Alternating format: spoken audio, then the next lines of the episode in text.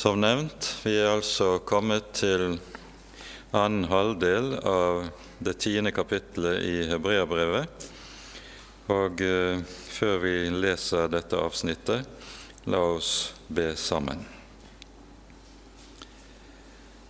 Nå takker vi og lover deg igjen, Herre vår Gud og vår Far, at du har kommet til oss i Ordet, og at vi skal få lov til å møte deg og kjenne deg i og gjennom Ordet. Vi ber deg, gode Herre, at vi må få kjenne deg som den du er, og at du må fri oss fra alle våre egne veier og egne tanker. Takk at du har åpenbart evangeliet om din Sønn og den fullkomne frelsen vi skal få lov til å eie i ham. Vi ber at du må ta deg av oss, stelle slik med oss at vi alltid blir bevart hos Jesus. Fri oss, Herre, og frels oss, Herre, fra alt som vil skille oss fra ham, enten det er det som ligger i våre egne hjerter, eller i det vi møter i verden omkring oss. Herre, bevar oss hos Jesus og send din Hellige Ånd, slik at vi kan eie det lyset vi trenger for å bli bevart. Herre, forbarm deg over oss. Amen. Vi gjør det så da slik at vi leser for sammenhengen sin skyld fra vers 19 i det tiende kapittel det er jo versene fra vers 19 til 22 eh, som var noe av en hovedsak i eh, gjennomgangen sist gang. Men dette utgjør bakteppet for det vi, vi møter i resten av kapittelet, og derfor er det nødvendig at vi for sammenhengen sin skyld tar med oss disse versene også. Vi leser i Faderens, Sønnens og Den hellige ånds navn. Brødre, vi har altså i Jesu blod frimodighet til å gå inn i helligdommen.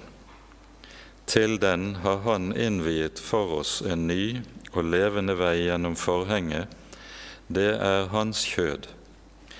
Og vi har en stor prest over Guds hus. Så la oss da tre frem med sannferdige hjerter, i troens fulle visshet, med hjertet renset fra en ond samvittighet og med legeme badet i rent vann. La oss holde urokkelig fast ved bekjennelsen av vårt håp, for Han er trofast som ga løftet. Og la oss gi akt på hverandre, så vi oppgløder hverandre til kjærlighet og gode gjerninger og la oss hold, ikke holde oss borte fra vår egen forsamling, slik noen har for vane, men la oss formane hverandre, og det så meget mer som dere ser at dagen nærmer seg. For dersom vi synder med vilje etter at vi har lært sannheten å kjenne, da er det ikke lenger tilbake noe offer for synder, men bare en forferdelig gru for dom og en nidkjærhetens brann som skal fortære de gjenstridige. Har noen brutt Moselov, da dør han uten barmhjertighet på to eller tre vitners ord.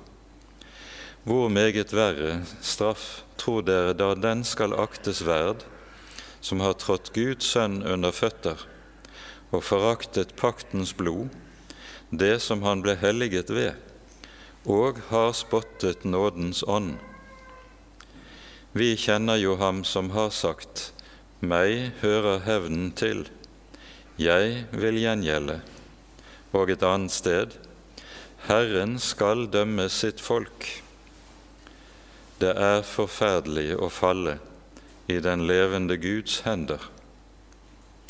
Men tenk nå tilbake på den første tid den gang dere var blitt opplyst og så utholdt stor kamp og lidelse. Dels ble dere selv gjort til et skuespill ved spott og trengsel. Dels sto dere sammen med dem som fikk gjennomgå dette. For også fangene hadde dere medlidenhet med. Og dere fant dere med glede i at deres eiendeler ble røvet fra dere, for dere visste at dere hadde en bedre eiendom som varer ved. Kast derfor ikke bort deres frimodighet, som har stor lønn, for dere trenger til tålmodighet for at dere kan oppnå det som er lovt, etter at dere har gjort Guds vilje. For ennå er det bare en ganske liten stund igjen, så kommer Han som komme skal, og han skal ikke dryge. Men den rettferdige av tro skal leve, og dersom han unndrar seg, har min sjel ikke behag i ham. Men vi er ikke blant dem som unndrar seg og går fortapt. Vi er av dem som tror til sjelenes frelse.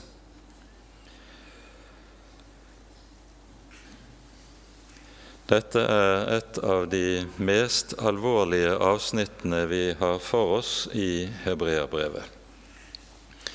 Et avsnitt som vi vel ikke ofte hører det tales over. Og det som fortelles om hvem Gud er i dette avsnittet, er noe som dagens mennesker aller helst vil glemme.